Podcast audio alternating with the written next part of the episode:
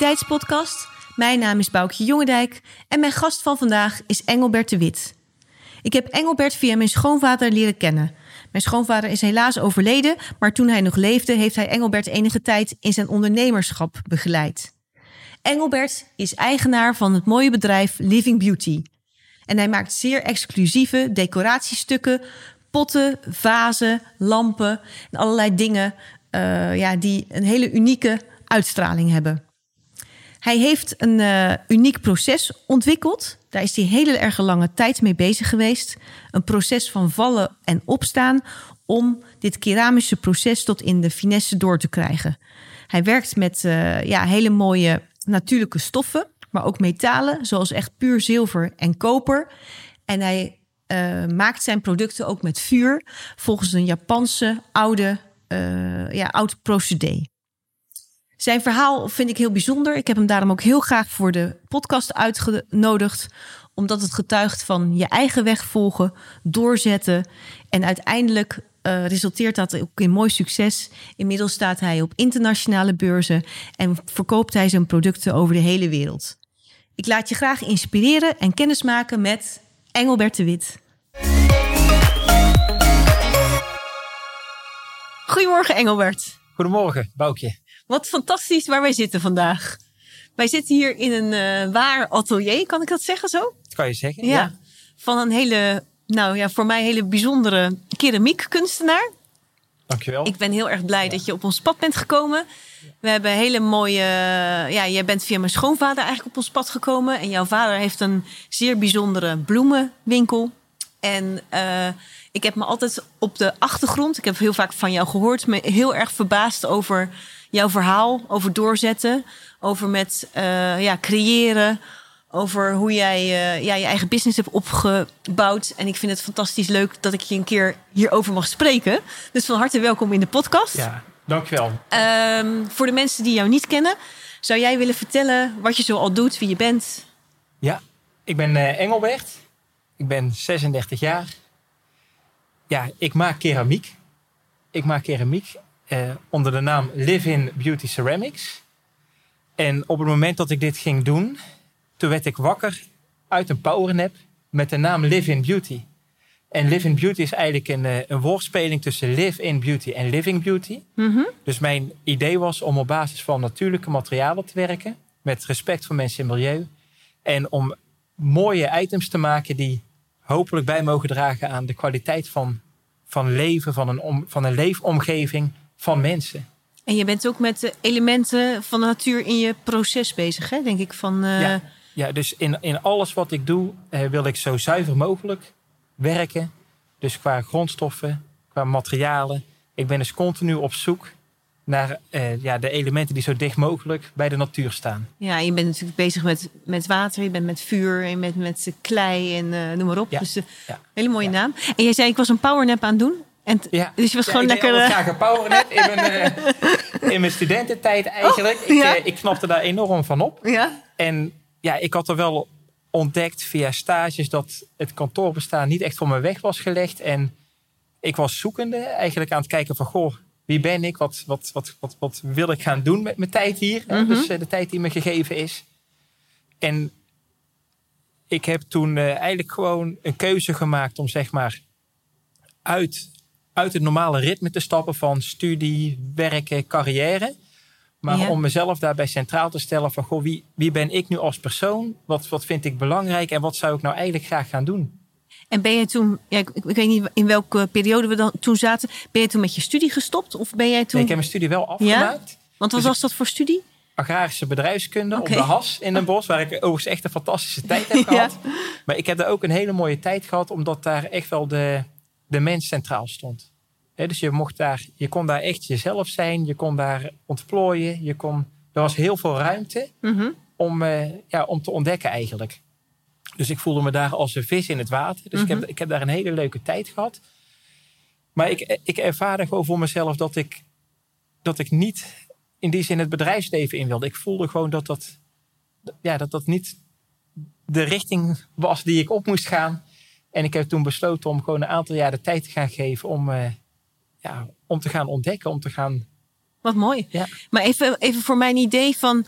eh, had je toen geen werk? Want eh, ja, weet je, dat klinkt natuurlijk super gaaf. Van ik ga ontdekken eh, waar ik het moet Ja. zoeken. Maar je moet ook nog... Ja, nu lijk je op mijn moeder. oh, Dus mijn, mijn moeder zei dus ook. mijn moeder zei dus ook echt de, eerste vijf tot tien jaar misschien wel tegen me van Engelbert, moet jij niet een baan gaan zoeken, jongen? nee, maar jij kreeg het gewoon voor elkaar om zo... Ik, wat er toen eigenlijk is gebeurd, ik heb een hele leuke stage gedaan toen bij, bij, bij Deka Home. ja, En daar ben ik een beetje blijven hangen om op beurzen te werken. ja, En ik leerde toen eigenlijk een, eh, een- in Amerika leerde ik een Mexicaanse man eh, kennen die ook keramiek maakte. En dat vond ik ontzettend mooi. Ik was, daarvoor had ik een stage in Roemenië gedaan. Ik heb wat gereisd ook door Europa. Omdat ik dus zoekende was. ja, wel En- fantastisch. Ja. En keramiek, dat trok mij al wel. Dat kan ik nu ook zelfs naar mijn kindertijd eigenlijk terug eh, herleiden.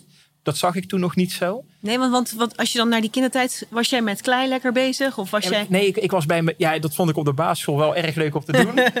Maar dan ben je Ja. dan. Ik vond alles van, van handvaardigheid en techniek, dat vond ik leuk. Dingen maken vond ik altijd leuk. Oké, maar ik denk als je dus een, op een gegeven moment een opleiding gaat doen. en je wordt dus toch een beetje. ge- je gedachten die worden dus op een andere manier, zeg maar, krijg je die vorm en worden Mhm. die geladen.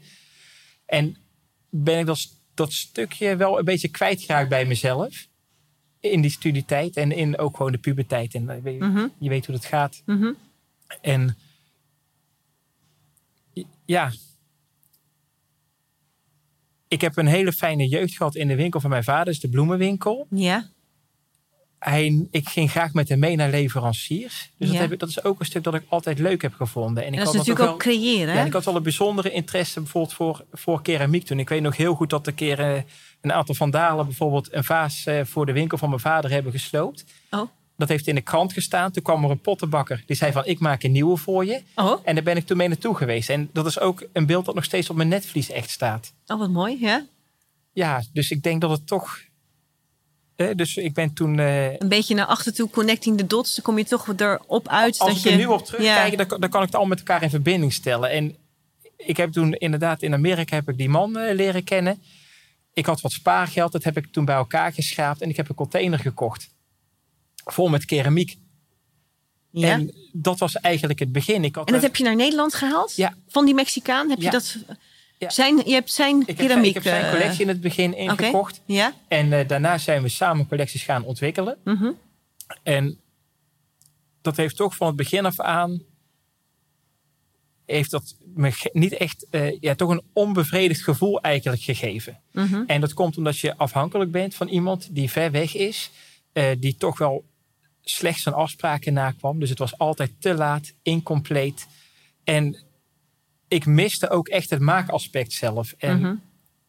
ik heb in eerste instantie gedacht om samen met hem verder te gaan. Dat heeft hij ook aangegeven van, goh Engelbert, we gaan samen een atelier beginnen in Nederland. Hij liep al tegen zijn pensioen aan zelfs op dat moment. Oké, ja. Maar ik kwam er toch wel gaandeweg achter dat dat, eh, dat dat niet zijn echte plan was. En ik heb dus een tijdje daarvoor heb ik de stage gelopen in Roemenië in een weeshuis. En wat die kindjes mij heel duidelijk lieten zien, als zij wat willen in het leven, dan moeten ze het zelf doen. He, zij hebben zeg maar geen ouders of gezin of Nee. omgeving waar ze op terug kunnen vallen. Mhm. En eh, een aantal jaar later trok ik de conclusie, maar Engelbert, dat geldt eigenlijk ook voor jou. Ja. En toen ben ik dus vanuit een. eh dus zat ik bij een kleiklub. En van daaruit. eh, daar heb ik mijn eerste stappen gezet. Ook de eerste raku-stook. Want raku is dan in het bijzonder de techniek die ik nu toepas. ja kan, kan je uitleggen voor, eh voor degene die hier nog nooit van hebben gehoord wat dat is? Ja, ja raku vindt eigenlijk zijn oorsprong in Japan. In de theeceremonie. Het Oh. is een eh, techniek van, eh, die al meer dan 500 jaar bestaat. Raku is overigens een familienaam. Oh, ja? Een familienaam die vreugde betekent. Mooi, ja. En die naam hebben zij cadeau gekregen van, van de shogun. Ja. in die tijd. Dat was Hideyoshi. En Hideyoshi had dus een eh, paleis. En in het paleis had je een theemeester. En die theemeester heette Sen Rikyu. Dat is nog altijd een beroemdheid. Mhm. En die man, die, ja, die. Dus de theeceremonie draait eigenlijk om. Is, is heel symbolisch. Draait om reinheid, om puurheid. Om Ja. in het moment zijn. Mhm. En die man die zocht continu naar aspecten om zijn theeceremonie zeg maar, te verrijken. En zo kwam hij op een pottenbakkersmarkt kwam hij Chojiro tegen. Dat Ja. was een pottenbakker die, die eh, maakte keramiek en die haalde dat uit de oven terwijl het nog warm was. En dat vonden ze dus een hele mooie symboliek. Voor, eh, want ja, iets wat vers gebakken is voor een theeceremonie, ja, puurder wordt het niet. En die man werd toen eigenlijk gesommeerd om dat in het paleis te komen doen. Oh. En die shogun, Hideyoshi, die was er zo van onder de indruk. En die vond het zo'n waardevolle bijdrage dat hij een zegelring gaf aan Chojiro met het Japanse teken Raku. Wat dus vreugde betekent. Ja? En vanaf dat moment is het een familienaam geworden. Oh. En die mensen maken nu 500 jaar later, 15 of 16e generatie, nog hetzelfde keramiek als 500, 600 jaar geleden. Ja? Maar dat principe van die snelle afkoeling, dus iets Ja. uit de oven halen terwijl het warm is, Ja? daar zijn eigenlijk heel veel ja, kunstenaars, hobbyisten, you name it, Mhm. die zijn daarmee gaan experimenteren. En daar ben ik er eigenlijk ook eentje van. Ja, ja, ja, wat mooi. Ja. En dat is dan ehm, zeg maar daar ontstaan. En dat heb je nu, hoe moet ik dat zien? Dat is nu een begrip over de hele wereld, eh, dat proces? Of... Er zijn heel veel mensen die er vreugde aan ontlenen. Ja. Dus er zijn heel veel, eh ja, oneerbiedig gezegd, kleiklubjes, verenigingen. Bijna ieder dorp heeft er denk ik wel één. Mhm. eh, waar mensen gewoon in hun vrije tijd dus keramiek gaan maken.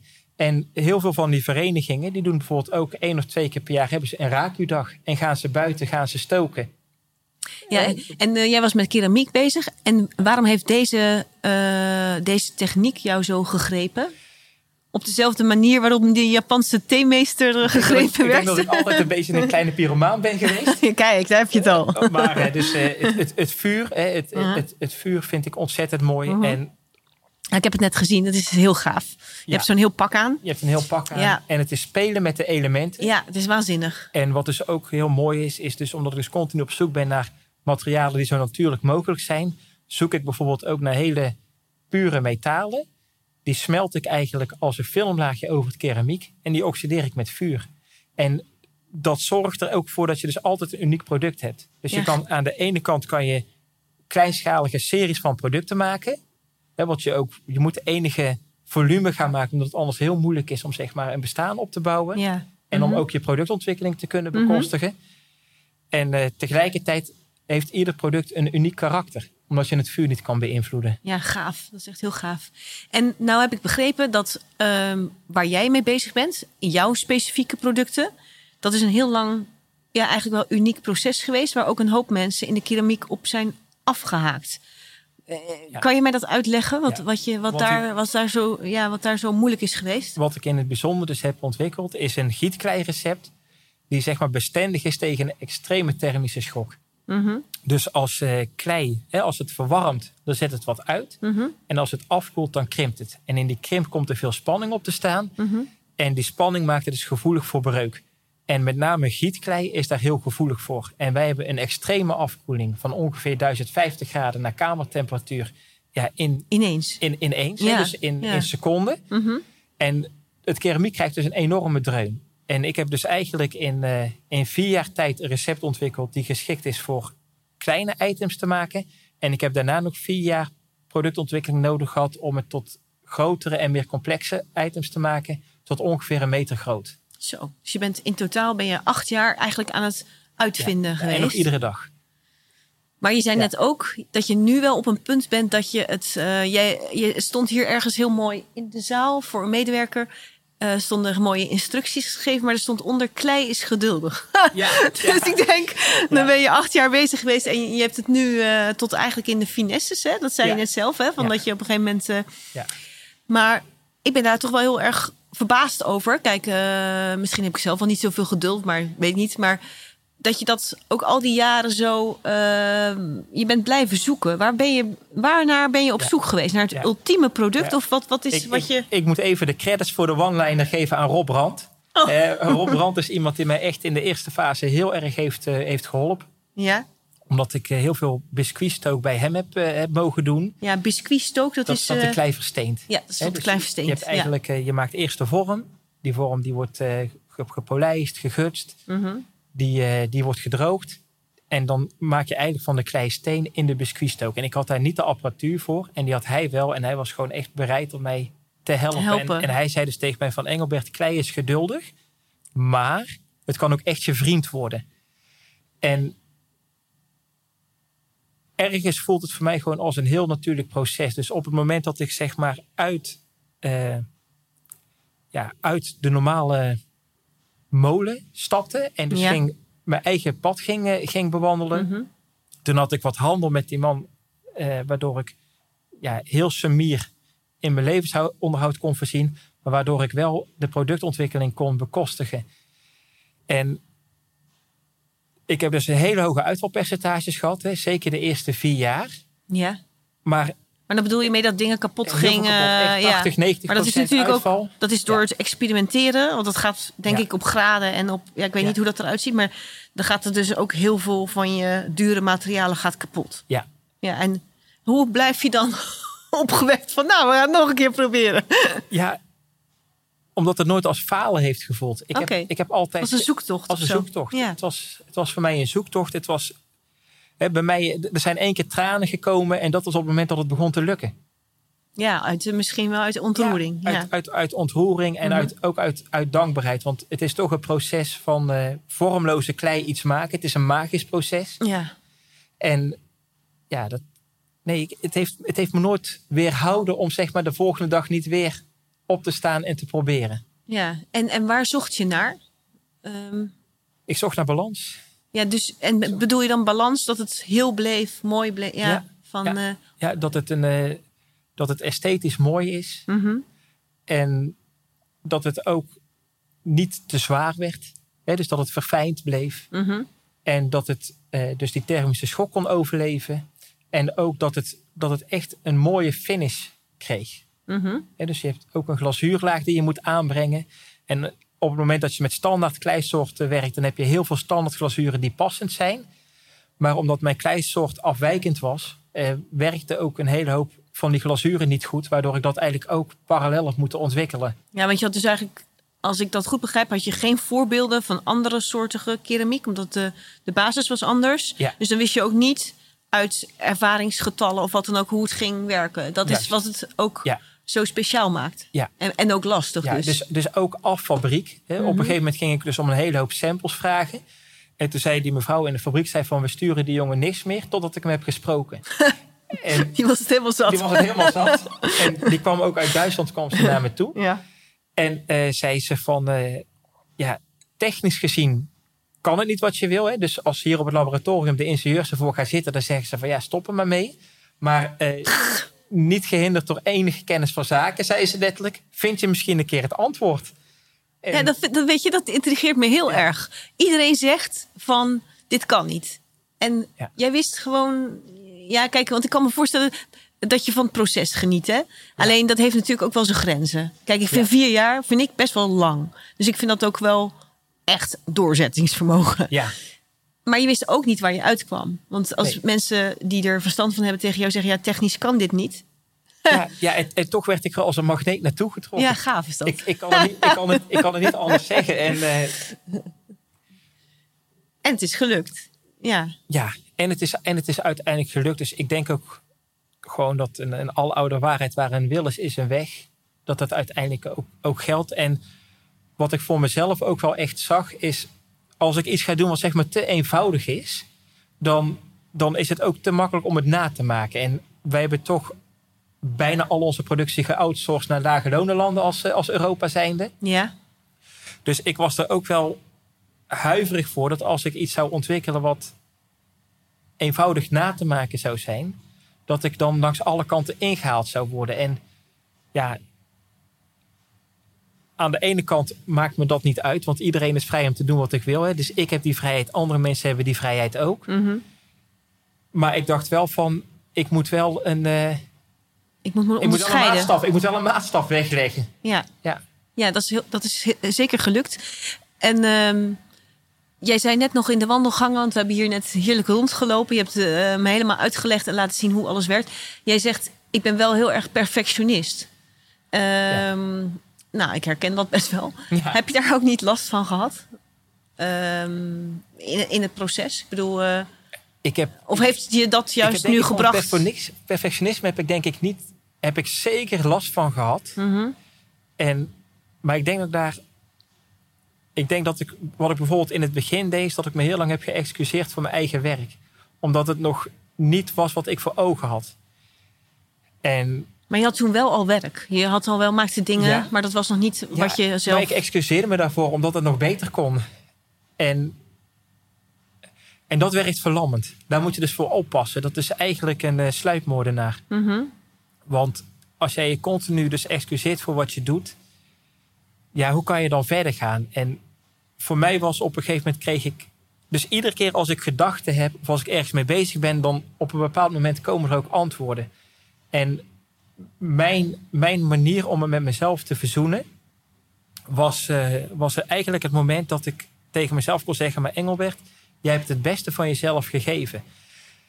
En dat was hoe ik ook met mezelf met terugwerkende kracht heb kunnen verzoenen. Omdat ik dus kon zeggen van als ik op dat moment het beste van mezelf heb gegeven. En ik geef vandaag ook het beste van mezelf. Wat dan morgen het beste van mezelf is. Dat Gaan zie we ik dan zien. wel. Ja. En, maar dat is wel, dat heeft voor mij dus acceptatie en weer ruimte voor groei gegeven. En dat is heel mooi verwoord, want dat is eh, heel sterk. Hè? Als je dat dus steeds bij jezelf bedenkt. Was jij je dat echt bewust? Was jij daar bewust mee bezig? Dus ik, dus noem het een soort persoonlijk leiderschap. Hè? Want je, dat je dus ook met je gedachten, dat je je mindset eh, goed... want je krijgt natuurlijk een hoop dingen op je af. Je krijgt concurrentie, je krijgt dingen, je bent niet tevreden. Maar had jij dat bewust zo als stelling ingenomen? Of is dat iets wat gewoon vanzelf ging? Ja, niks gaat vanzelf. Nee. Eh, Want het is wel heel mooi om je daaraan vast te houden. Hè? Dat is heel Ja. sterk. ja, dus ik denk hè, dus het is allemaal persoonlijke ontwikkeling. Ja. Dat, dat denk ik. En dus, en dus iedere fase vraagt weer wat anders voor je. En als je dus een, ene, een bepaalde fase afrondt. En dan krijg je weer zo'n zo'n zo'n periode dat je er eigenlijk tegen aanschuurt van het, van het een naar het ander. Mhm. En dus je bent zoekende. En dan op een bepaald moment komt er een antwoord. En dan is het ook goed. En dan, dan merk je ook dus dat iets, eh, dat iets eigenlijk eh, nou, zich heeft verbonden met je. En dat je weer verder kan. Ja, je hebt het ook heel erg mooi de tijd gegeven om Ja. eh, te laten gebeuren. Dat is. eh, het, kan, het kan niet snel. Klein is nee. geduldig. Ja, ja klein is geduldig. Ja, Ja, maar het leven is ook een reis. ja, Dus- nee, nee, maar jij, hebt- jij, jij hebt genoten van de reis. En dat is denk ik sowieso. eh, iedereen wil ergens, heeft wel ergens een idee waar hij naartoe wil. En dan zeggen ze altijd zo makkelijk: nou, je moet genieten van de reis. Maar dat is niet altijd makkelijk. Nee, dat heb ik ook niet makkelijk gevonden. Nee. En, ik, ik, en genieten van de reis is natuurlijk ook, beetje zo van. is ook een eh, beetje comfortabel. En ik heb Ja. het zeker niet comfortabel gehad. Nee, wat kan je daar eens iets over zeggen? Van, eh, als het niet comfortabel was, waar moeten we aan denken? En, en wat deed je dan? Of hoe ging je ermee om? Als het niet comfortabel was, dan is het dat je ook altijd de financiële realiteit hebt. Ja. Waar je toch aan moet. Zeker ook als kunstenaar. Tenminste, ik noem je dan een kunstenaar, Ja. artiest. Ja. Ja, als maker, hè, als, oorspronkelijk Mhm. maker. En dus het, het punt is dus dat als je heel veel productontwikkeling doet, dat je dus heel veel moeite hebt om rond te komen. En op het moment dat je dus ook zeg maar een klein beetje uit jezelf een klein beetje, ja, je, zet, je zet jezelf niet buiten de maatschappij, maar wel buiten hetgene wat, wat gangbaar is. En ja, dan ben je bijvoorbeeld niet meer verzekerd. En ja, dat zijn, er is gewoon een hoge mate van onzekerheid. Maar ik had natuurlijk aan de andere kant ook wel een, eh, een goede opleiding. Dus ik had ook wel een goede baan kunnen krijgen. Dus het is ook wel zo dat hier vangnetten zijn. En dat je dan uiteindelijk ook wel je weg vindt. Maar als je de vraag blijft houden van wat als. Dat wilde ik ook niet. Nee.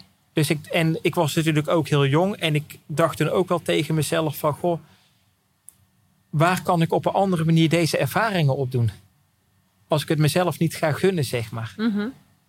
Ja, als je, als je stopt, dan is het ook afgelopen. Ja, en als je eh, dus meteen ja. in het eh, in een stramien eh, stapt, dan wordt het ook wel steeds moeilijker om je daar los van te maken. Ja. Dus, en ik dacht van ja, nee, ik, ik ga het gewoon doen. Ja. Heb jij, eh, je zei net even persoonlijke ontwikkeling. Heb je daar nog, nou ja, heb je soms bijzondere inspiratie uit boeken of uit andere dingen kun, gehaald om ook in dit procesje te helpen? Of, Uit boeken, uit mensen, Ja. uit, uit, uit heel veel. Ik heb, eh, ja, dat kennen, dat kennen de meeste mensen. Tenminste, ik ken het de meeste mensen te kennen. Maar bijvoorbeeld eh, Think and Grow Rich. Ja. Dat is een boek dat me echt aan het denken heeft en hoe kwam, hoe kwam jij dan aan dat boek? Want vind ik ook altijd Via een vriend. Oké, wat leuk. Ja, ja, ja. Via, via Bas. Ja. Een echte, die, Van eh, Napoleon Hill. Ja, Ja, die zei van dat moet, je, dat moet je eens lezen. Ja. En zo heb ik wel, eh, ja, zo heb ik wel meer boeken gelezen waar je. En wat gaf jou dat, dat boek? Wat, wat, wat, eh, wat vind jij daar de les uit? Van, eh, Goh, Ja, nee, maar wat heeft het voor jou gedacht? Het is natuurlijk een, eh, het is een klassieker. Het is een klassieker, maar eigenlijk in de basis eigen verantwoordelijkheid in actie komen. Jezelf niet afhankelijk maken van andere mensen, maar toch durven te vertrouwen op, op jezelf, Ja. op je gevoel. En dat het leven je gegeven is en dat je het een eigen invulling mag geven. En als je dat op een manier doet, zeg maar, zonder andere mensen daarbij te beschadigen, maar juist met de intentie van, eh, van iets goeds doen, Mhm.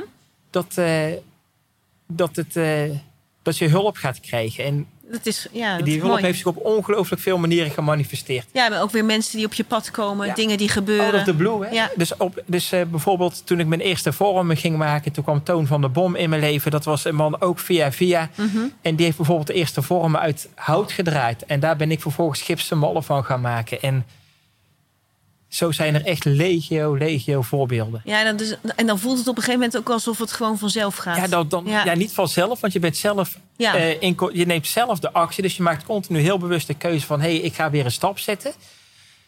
Maar je krijgt zeker hulp om de stappen te kunnen zetten. En ja, je krijgt hulp, dat klinkt dan natuurlijk een nee, beetje maar vaag. je, en dan is, je dan is- het... eh, Maar het, het punt is wel, denk ik...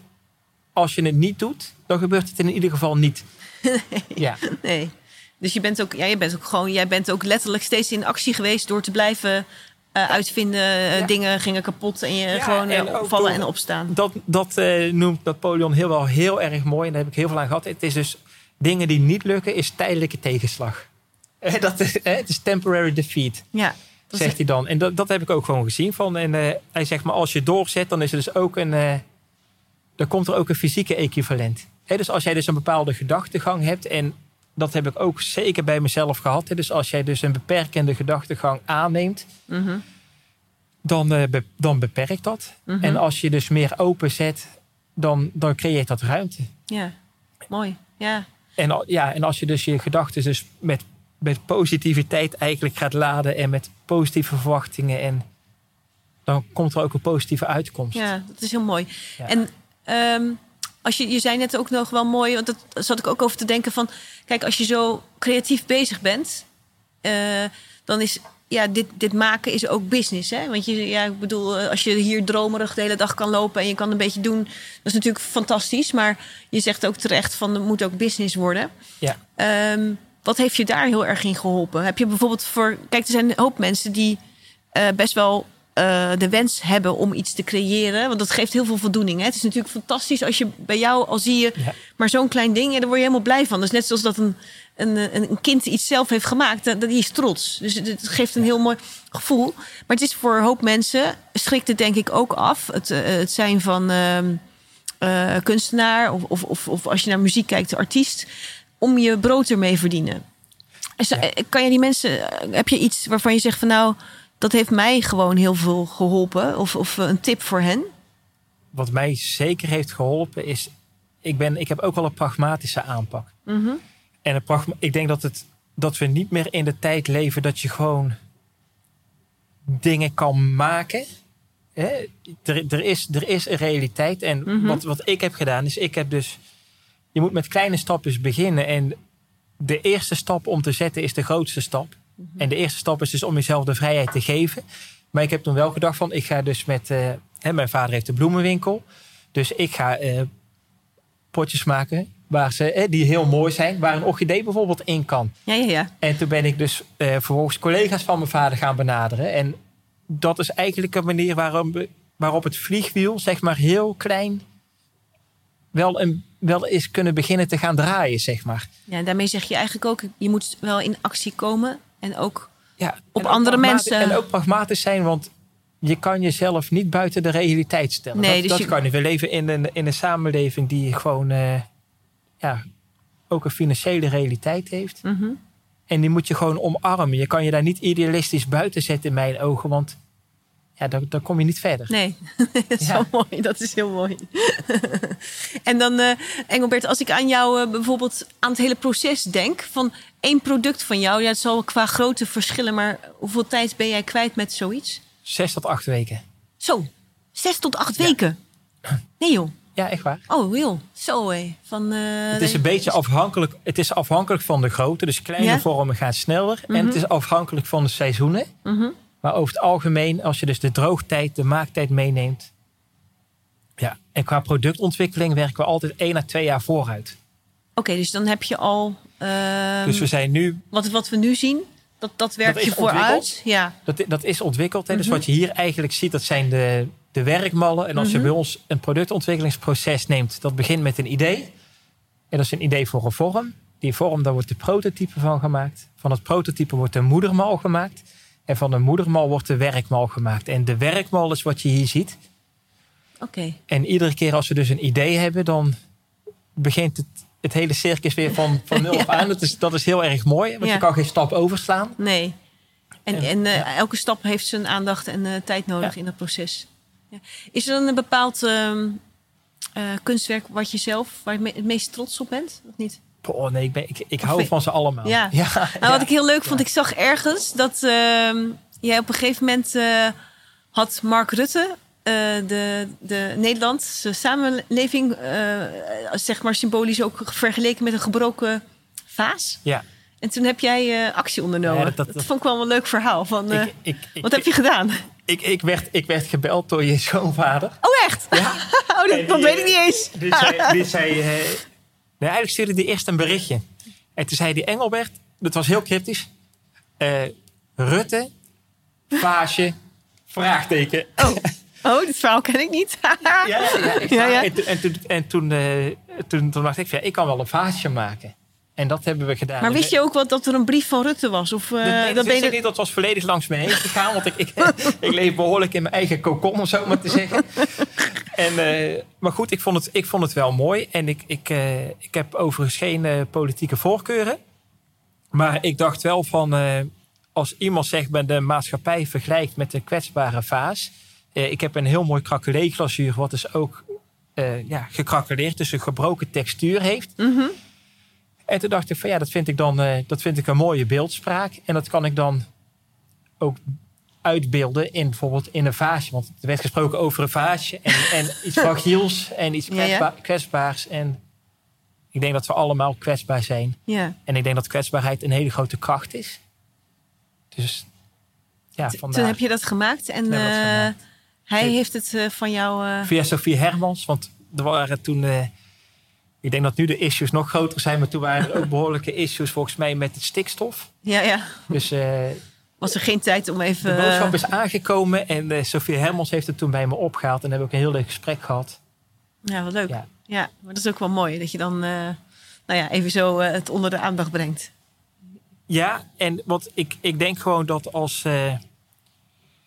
ik denk dus als je je eigen weg gaat behandelen, dat het iets heel moois is. En ik ben begonnen met, met niks vanuit mijn achtertuin naar een, een ruimte van 20 vierkante meter Ja. bij een boer. Naar een ruimte van 200 vierkante meter. ziet- Die kun je- en naar nu 800 vierkante meter atelierruimte, wat, wat heel mooi is. Maar we werken nu ook met z'n vijven. ja. Dus iets wat heel klein begint, kan ook op een gegeven moment maatschappelijk zeg maar, toch relevant eh, worden. Ja. En, en dat wordt eigenlijk in de samenleving waarin we zitten niet meer gestimuleerd. En dus het verdwijnen van de ambachten, dat is iets wat ik heel kwalijk vind. Mhm. Eh, ik denk dat niet iedereen gebouwd is om op kantoor te zitten. Ik denk dat we er ook niet goed aan doen om alles weg te brengen naar lage lonenlanden waar onder erbarmelijke omstandigheden met hele slechte arbeidstijden. En... Maar we, we, we zien het door onze vingers, Mhm. terwijl we het eigenlijk niet door onze vingers zouden moeten mogen zien. Ja. We zouden ervan bewust moeten zijn dat als iets goedkoop is, dat het alleen maar kan omdat daar iemand anders de prijs voor betaalt. Eh, terwijl het vaak een persoon is die we niet zien. En ik denk dat we er twee keer een prijs voor betalen. Want de, de ene kant eh, betalen mensen ver weg daar een prijs voor. Ja. Maar aan de andere kant betalen wij er hier ook een prijs voor. Omdat het gewoon heel veel mensen hun baan verliezen. En, en niet iedereen is gebouwd om zeg maar in een dienstensysteem te functioneren. En ik denk dat het ons ook heel kwetsbaar maakt. Ik denk op het moment dat wij dus onze maakindustrie wegbrengen, dat de andere mensen dus ook een bepaalde ja, macht, Nou ja, je- macht, hè? Macht, ja, maar je macht. verliest het ook wel. eh, kijk, dit is- zijn natuurlijk ook van die dingen. Je hebt nu een uniek proces eh, uitgevonden. Dat zou je ook graag aan een ander leren. Anders is het weg. Want dan kan er weer iemand eh, over een paar jaar, als die er zin in heeft, helemaal opnieuw beginnen. ja, Dus het is ook mooi als je dat, Dat is- kan dat is- behouden. dat is ook duurzaamheid. Ja, En ik denk dat het ook heel leuk is als mensen dus een bepaalde eigenwaarde en dus het plezier van het maken kunnen ontdekken. Ik, weet, ik, ik heb nou een aantal keer gezien dat mensen dat heel mooi vinden. Mhm. En dat ze daarvan op kunnen bloeien. Ja. Mensen die eigenlijk ook soms eh, een moeite hebben om een weg te vinden in de samenleving. Die dan hier hun plek vinden en opbloeien. ja, en dan zijn ze eigenlijk werken ze aan een onderdeel. Dus dan zi- zijn ze uiteindelijk, want jij staat nu op eh, prachtige beurzen in Parijs. Ja. Zijn ze, en dan zie je een, een ja, fantastische eh, entourage. En alles Ja. staat, staan al jouw producten helemaal in de spotlight en gaaf. Maar dan hebben die mensen hebben daar, zijn daar een onderdeel van geweest. Ja. Dat is natuurlijk heel gaaf. Ja, Ja, Onderdeel van het maakproces. En een maakproces waar je andere mensen ook blij mee maakt. ja, ja, het is heerlijk om eh, te zien of te krijgen of eh, weet ik het wat. Ja, dat is heel mooi. Van, Ja. Nee, maar ik geloof dus ook oprecht dat als, als iemand zich dus goed voelt, dat hij daardoor zeg maar beter functioneert. En dat daardoor zeg maar zijn impact weer vergroot. Nou, wat ik ook heel grappig vind, van ehm, jij zegt eigenlijk dat je op, eh je hebt, had dan als klein kind iets met klei, maar je hebt dit eh, eigenlijk later pas, ehm, ben je hier goed in geworden. Want dat, nee, maar ik bedoel, Ja. eh, dit geeft mij ook dan weer zoiets, een beetje hoop van. maakt niet uit hoe oud je bent. Als je iets echt heel leuk. Nee, en als je echt iets heel leuk vindt en je gaat ervoor, dan kan je dat dus ook gewoon. Eh, want je was niet al als klein kind was je potten aan het bakken. Ik bedoel, ehm, je hebt dat later pas ontdekt. Ja, ik heb dat, ik heb dat later ontdekt. Mhm. Ik had dat ook als kind niet kunnen bevroeden. Mhm. Maar de tijd, de tijd tikt continu door. hè. Mhm. Dus er is, iedere keer is er een nieuw seizoen. Iedere dag is een nieuwe kans. Ja, En ik denk dat het ook niet uitmaakt. Ik denk wel dat het heel mooi is als je gaat ontdekken wat je drijfveer is. En Mhm. daar is voor mij ook geen heilige graal in of zoiets. Want er zijn ook mensen die worden heel blij van muziek maken of van verenigingsleven.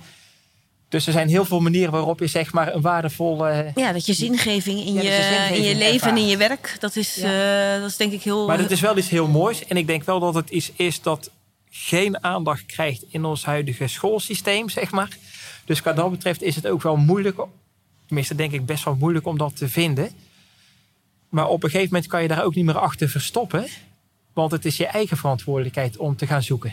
ja, het is een keuze Het is, eigenlijk. het, is, het is een keuze en het is niet altijd de makkelijke keuze. En het is spannend en er zijn allerlei angsten die je misschien moet overwinnen of gaan parkeren. Maar ook vooral in perspectief moet zetten. En eh qua dat betreft was eh, Joseph McClendon ook echt wel een eye-opener voor me. Ja, want kan, kan jij even voor degene die hem niet kennen, dat is eigenlijk een. Ja, eh, hij is een ultimate performance coach. ja, En eh, hij is ook neurowetenschapper. Dus het is zeg ja, maar... dat is heel interessant. Het, het ja. is, het is geen...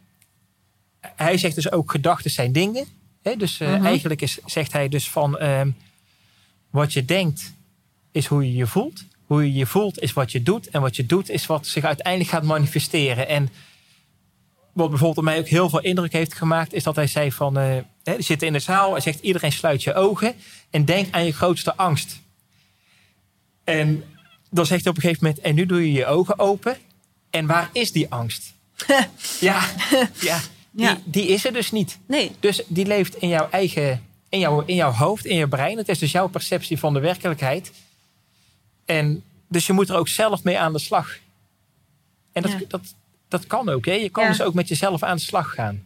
Maar het is ook wel leuk dat jij dat eh, ook eh, bent gaan opzoeken, dat soort mensen. En dat soort eh, Ja, dit is- seminars. een heel groot cadeau wat ik, van, eh, wat ik heb gekregen. Ja, wat Ja. mooi. Want ik- ben er zelf ook geweest. En het is gewoon heel interessant om ook proefondervindelijk, omdat je met z'n allen in een zaal zit, bepaalde oefeningen te doen. Waardoor je dus in de gaten hebt hoe die mind eh, je ook voor de gek houdt. En dat het eigenlijk ook allemaal heel makkelijk weer eh, Ja. Weg te poetsen is, wat jij eh, ook terecht Ja. zegt. dat is heel erg Ja, voor hem maak ik graag reclame. Ja, ja, ja, ja. ja. Ja, nee, maar dat is, nee, Nee, maar dat, dat, van, dat, dat, dat is mooi. En ik ja. denk als je op die manier dus ook naar jezelf gaat kijken en naar de wereld om je heen gaat kijken, dat het een hele mooie manier is. Ja, dan wordt het ook allemaal iets eh, eenvoudiger, Ja. toch? Van, ehm, heb jij met jouw, ehm, ja, met de mooie dingen die je maakt, eh, heb je daar nog een bepaalde missie mee? Of, of heb je een bepaalde, eh, want je bent nu, je zegt terecht van, eh, ik ben nu eigenlijk op het punt van dat ik het gewoon, dat proces helemaal in de smiezen heb. Eh, je hebt mooie, nou, mooie deals nu ook, in het buitenland veel mensen. Ja, wat, ik, wat, ik, wat ik ontzettend mooi vind, is onze slogan is Making Life Prettier. dat is van je bedrijf. Dat is van het bedrijf. Dus Oh. het, het leven een stukje mooier willen maken. Ja, ja, en dus mooi. eigenlijk ook een, een, een positieve bijdrage willen leveren.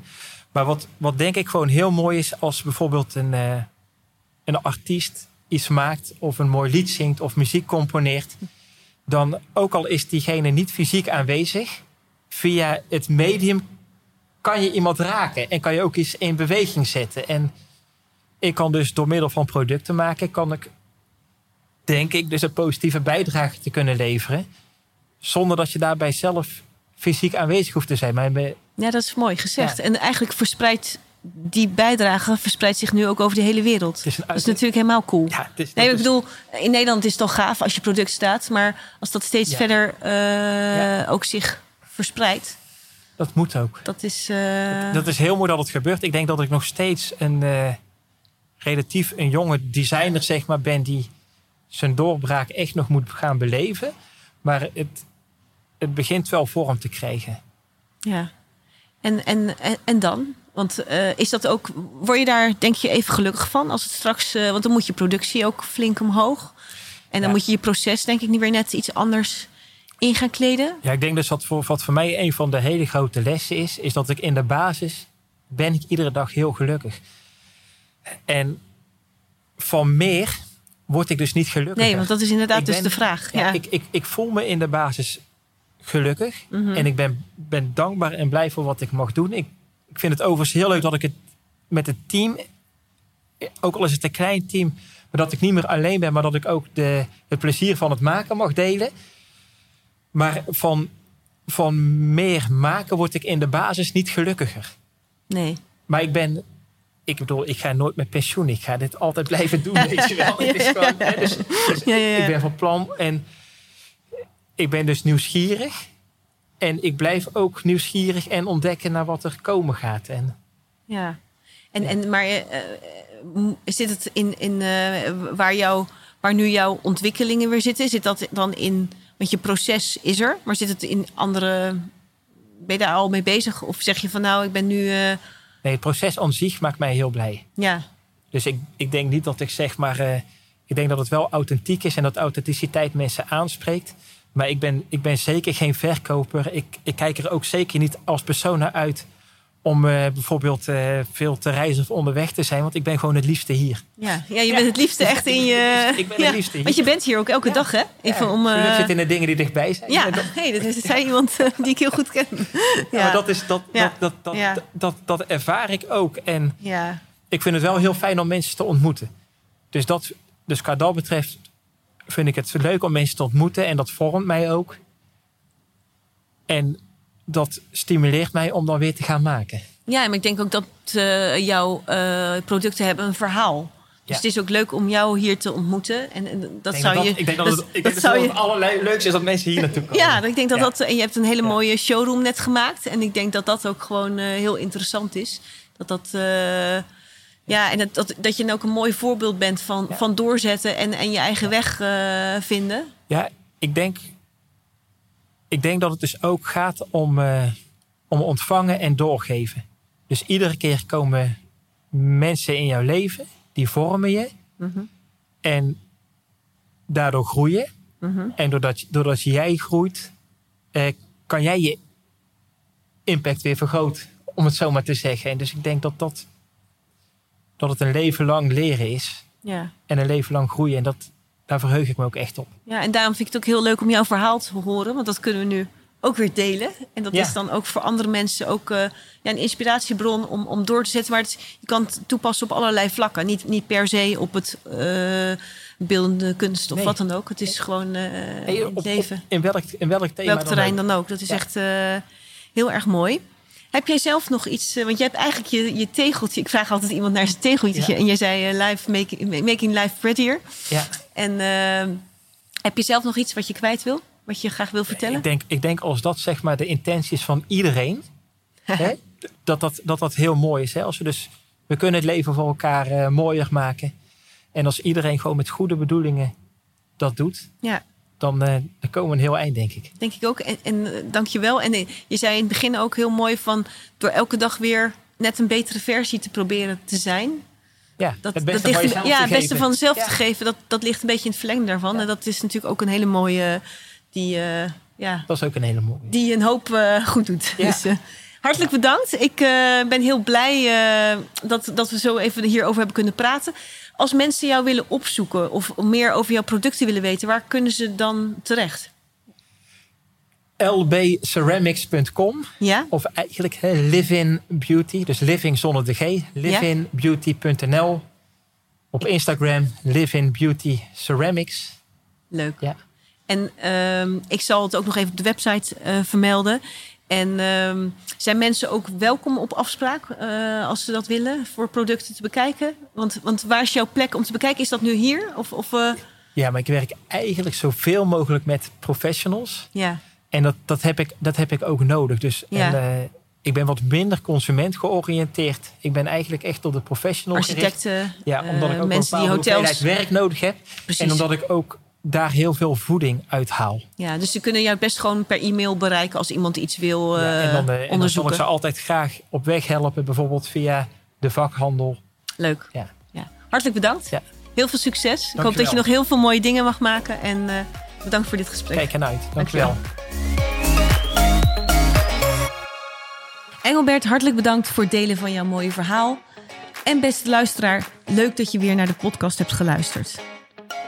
Als je meer wil weten over Engelbert en zijn mooie producten, dan verwijs ik je heel graag naar zijn website. Die is te vinden op livingbeauty.com, geschreven zonder G. En daar kan je inspiratie doen, opdoen om iets moois te vinden, bijvoorbeeld voor je huis. Vind je het fijn om naar deze podcast te luisteren? Wil je op de hoogte blijven van de podcast? Dan kan je naar mijn website gaan. En we zouden het ook heel leuk vinden als je een duimpje omhoog wil doen of je wil abonneren op een van de podcastkanalen of op YouTube. Heel graag tot over twee weken. Tot ziens.